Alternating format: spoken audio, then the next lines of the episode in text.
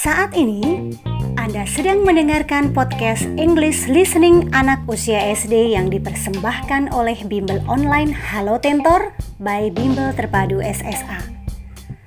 Untuk lebih banyak lagi materi belajar bahasa Inggris dan juga pelajaran lainnya, kunjungi Facebook dan Instagram Bimbel SSA dan segera bergabung bersama kami.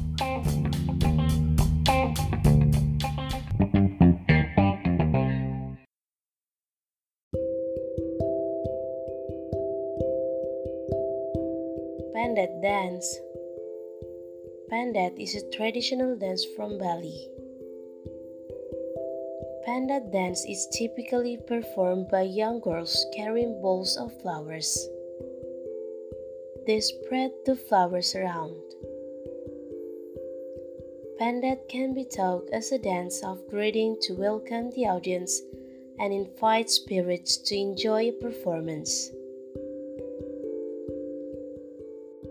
The original Pendet dance was a symbol of welcoming God in some ritual ceremony in Bali. Pendet actually has simple dance movements. These movements are the basic dance movements of Balinese dance.